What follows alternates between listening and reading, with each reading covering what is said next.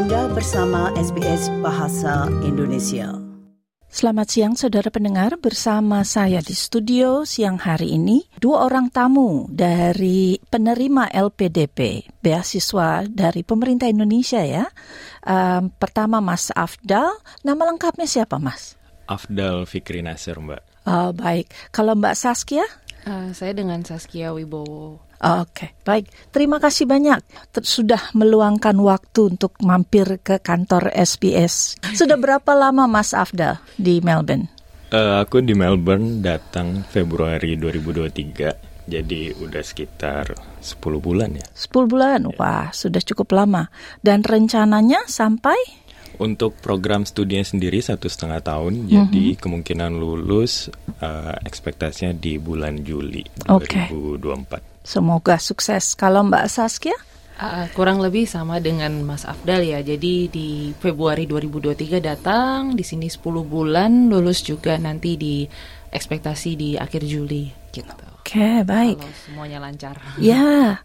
Nah, mungkin ke Mbak Saskia pertama ya. Uh, bagaimana? Sudah kangen rumah belum? Iya kangen sih kangen ya gitu. Kangen dengan keluarga gitu. Cuman mungkin sekarang dengan teknologi sering video call juga. Cuman kalau untuk Indonesia di Melbourne ini cukup familiar ya. Jadi banyak komunitas Indonesia juga yang ada di Melbourne um, banyak makanan Indonesia gitu ya surprisingly jadinya itu cukup membantu mengobati rasa kangen kepada Indonesia gitu. Oke okay, baik.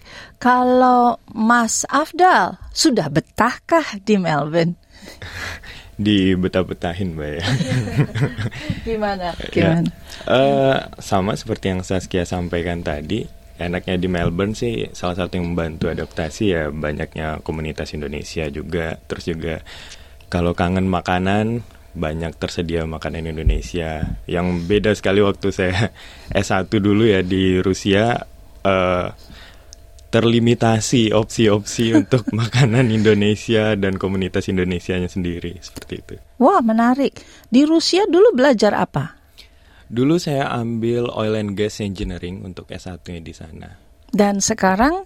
Uh, sekarang saya lanjut ambil Master of Energy Systems. Oke, okay. baik menarik sekali. Kalau Mbak Saskia nih, apa yang diambil? Uh, saat ini saya sedang studi Master of Marketing Communications di University of Melbourne dulu juga um, sedangkan S1-nya saya um, Bachelor of Social Science um, prodi Communication Studies di Universitas Indonesia. Baik, wah menarik sekali nih. Nah, kita mulai mungkin dengan Mas Afdal nih ya mengenai topik energi. Nah, kira-kira apa yang sudah ada di Indonesia untuk menggunakan energi-energi terbarukan? Kira-kira sudah sudah ada kan ya pasti? Iya, uh, kalau Indonesia sendiri untungnya kita dianugerahi dengan banyak potensi renewable energy, Mbak ya. Baik dari hidro, solar, angin maupun geothermal gitu. Sekarang uh, permasalahannya gimana kita memaksimalkan dari potensi-potensi tersebut gitu.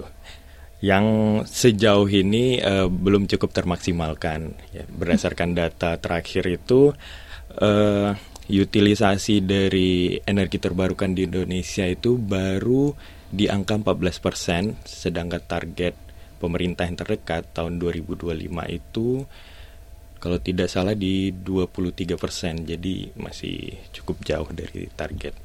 Oke, okay, baik. Nah, uh, di Australia misalnya sekarang ini kita bisa melihat kalau ke daerah perumahan atau suburb hampir semua rumah baru sudah mempunyai solar panel. Nah, kira-kira apa kesulitannya di Indonesia? Apakah harganya, ongkosnya, atau karena Indonesia kaya dengan matahari ya? Uh, ini pertanyaan menarik nih. Jadi uh, kalau kita membicarakan energi terbarukan banyak faktor kenapa uh, utilisasinya kurang. Uh, pertama kita lihat dari segi uh, pengetahuan atau awareness dari orang-orang uh, gimana kesadaran untuk bertransisi ke energi yang terbarukan itu dibutuhkannya untuk apa dan kenapa kita harus segera transisi itu uh, itu masih ada gap di sana. Kedua pastinya uh, gimana dari sisi pemerintah untuk mengcreate environment yang menarik untuk pengembangan uh, energi terbarukan tersebut gitu. Uh, jadi kalau di compare di dengan Australia gitu ya, mungkin government di sini mereka lebih mengenabling environment untuk uh, pengembangan energi terbarukan tersebut dibandingkan uh, negara kita yang harus kita genjot lagi seperti itu. Baik, ya saya lihat memang kadang-kadang harus inisiatif sendiri ya. Banyak orang di Indonesia yang mempunyai inisiatif dan mereka yang mem memulai begitu. Nah, bagaimana dengan uh, kendaraan listrik? Apakah sudah banyak di Indonesia? Uh, terakhir sebelum berangkat ke sini kendaraan listrik cukup banyak ya sekarang dengan uh, jenis yang cukup variatif ya dan itu mungkin juga salah satu effort dari pemerintah kita supaya uh, transisi energi di sektor uh, transportasi ditingkatkan seperti itu. Tapi kalau di di Indonesia, apakah sudah ada produksi uh, kendaraan listrik belum ya? Sejauh ini masih belum. Belum ya. Okay. Mungkin brand-brand yang diketahui masyarakat umum seperti Tesla mm -hmm. atau Wuling ya yang baru-baru ini. Oh, Oke. Okay. Baik. Nah, kita beralih ke Mbak Saskia. Nah, kira-kira apa nih yang akan dibawa pulang dari uh, kuliahnya di Melbourne di bidang marketing? Apa yang berbeda? Uh, ya ini pertanyaannya menarik juga ya Mbak ya. Jadi kalau kebetulan pada waktu itu kenapa nih agak um, kilas balik, kenapa memutuskan untuk kuliah uh, lanjut lagi di Australia? Karena pada waktu itu kalau saya kan bidang marketing uh, dan saya sempat bekerja juga di bidang marketing, communication and public relations juga. Nah, um, kenapa memutuskan studi di sini? Saya melihat tuh pada waktu itu saat sedang terjadi pandemi COVID ya 2019-2020. Um, memang seluruh dunia tuh lagi uh, cukup apa ya struggle dalam menghadapi pandemi ini, terutama um, krisis um, dalam communication gitu ya. Jadi banyak isu-isu hoax beredar gini uh, pandemi kita tidak boleh makan ini, minum ini gitu. Nah, kebetulan tempat saya bekerja dulu itu um, juga salah satu perusahaan yang terdampak dengan krisis komunikasi tersebut dari saat COVID. Jadi produknya apakah aman digunakan saat COVID gitu. Nah, saya um, menyadari nih ada gap ya yang masih belum kita uh, pelajari cara kita menghandle um, crisis communication itu gitu isu-isu seperti yeah. itu karena kalau di Indonesia terutama hoax itu bisa menyebar cepat sekali mm -hmm. gitu kan ya mungkin sering dapat dari WhatsApp grup mm -hmm. di keluarga langsung eh mm -hmm. jangan begini pakai mm -hmm. ini karena mm -hmm. ada ini gitu nah kebetulan waktu itu saya emang salah satu tim yang um, hands on di kasus mm -hmm. itu gitu menyadari betapa emang challenge-nya gitu ya hmm. untuk akhirnya bisa menyusun semua ini programnya seperti ini, communicate uh, bikin campaign ke masyarakatnya seperti apa. Nah, saya juga tapi pada saat itu saya melihat nih comparison dengan um, study di Australia gitu pada saat uh, COVID-19 ada apa namanya um, kampanyenya juga ya gitu yang vaccination hmm. segala macam gitu di Indonesia kan vaccination itu cukup slow ya progresnya hmm. gitu pada waktu itu sekarang sudah um, hmm.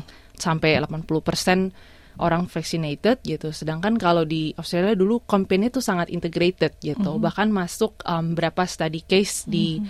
um, apa namanya paper-paper gitu. Jadi emang governmentnya itu sangat hands on dan um, message-nya tuh integrated gitu. Hmm. Jadi itu memang yang meng um, apa ya memotivasi saya oh apa sih ini yang gimana caranya ya uh, dari uh, Australian government ini untuk bisa mengcraft sebuah campaign yang um, impactful, powerful gitu dan juga um, integrated semuanya dan meng menghindari terjadinya mis um, communication gitu. Mm -hmm. Baik, menarik semua nih topik-topiknya nih. saya saya uh, sebenarnya ingin bertanya jauh lebih lebih detail lagi, tapi mungkin juga waktunya tidak mencukupi. Kita kembali ke masa tinggal di Melbourne. Kira-kira apa yang uh, membuat shock pertama kali membuat terkejut pertama kali tiba di uh, kota Melbourne? Apa yang berbeda dengan Jakarta atau dengan uh, asal masing-masing? Silakan Mas Afdal dulu. Uh, menarik juga. Ini yang pertama yang bikin shock itu uh, dari public transportation mm. ya, gimana sangat-sangat mm -hmm. integrated di sini dan kemudahan dalam bertransportasi itu luar biasa. Itu salah satu uh, faktor yang menarik ketika saya datang ke sini.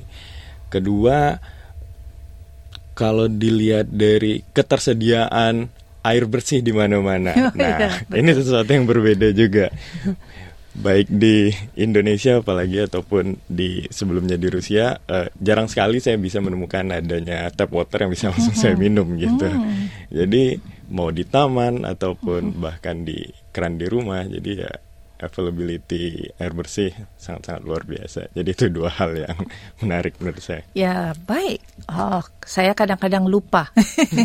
Take it for granted karena sudah lama. Baik, kalau Mbak Saskia apa kira-kira? Uh, saya paling simpel sih pas datang ke sini um, cukup kaget dengan musim ya. Jadi kayak apalagi especially ini ya spesifik in Melbourne gitu ya. Jadi um, bisa ada orang bilang banyak musim dalam satu hari gitu. Yeah. Jadi pengalaman begitu datang ke sini summer ya Februari, tapi uh, wah kayaknya bisa pakai ini nih apa namanya baju satu kaos aja gitu. Pakai kaos tapi ternyata sorenya langsung hujan dan temperaturnya drops gitu. Oh, ini bukannya lagi summer ya gitu.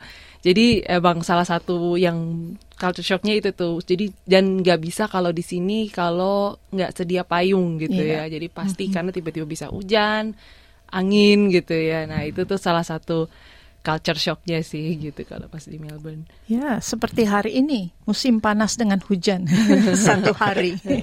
Baik, baiklah maaf lah waktunya sudah terbatas sekali tetapi mudah-mudahan tidak kapok kapan-kapan kita ngobrol lagi melanjutkan bincang-bincang kita dan semoga sukses dalam uh, studinya dan semoga juga bertambah ilmu barunya. Terima Amin, kasih. Terima kasih. Terima kasih. Sukai, berbagi, komentar. Ikuti SBS program Bahasa Indonesia di Facebook.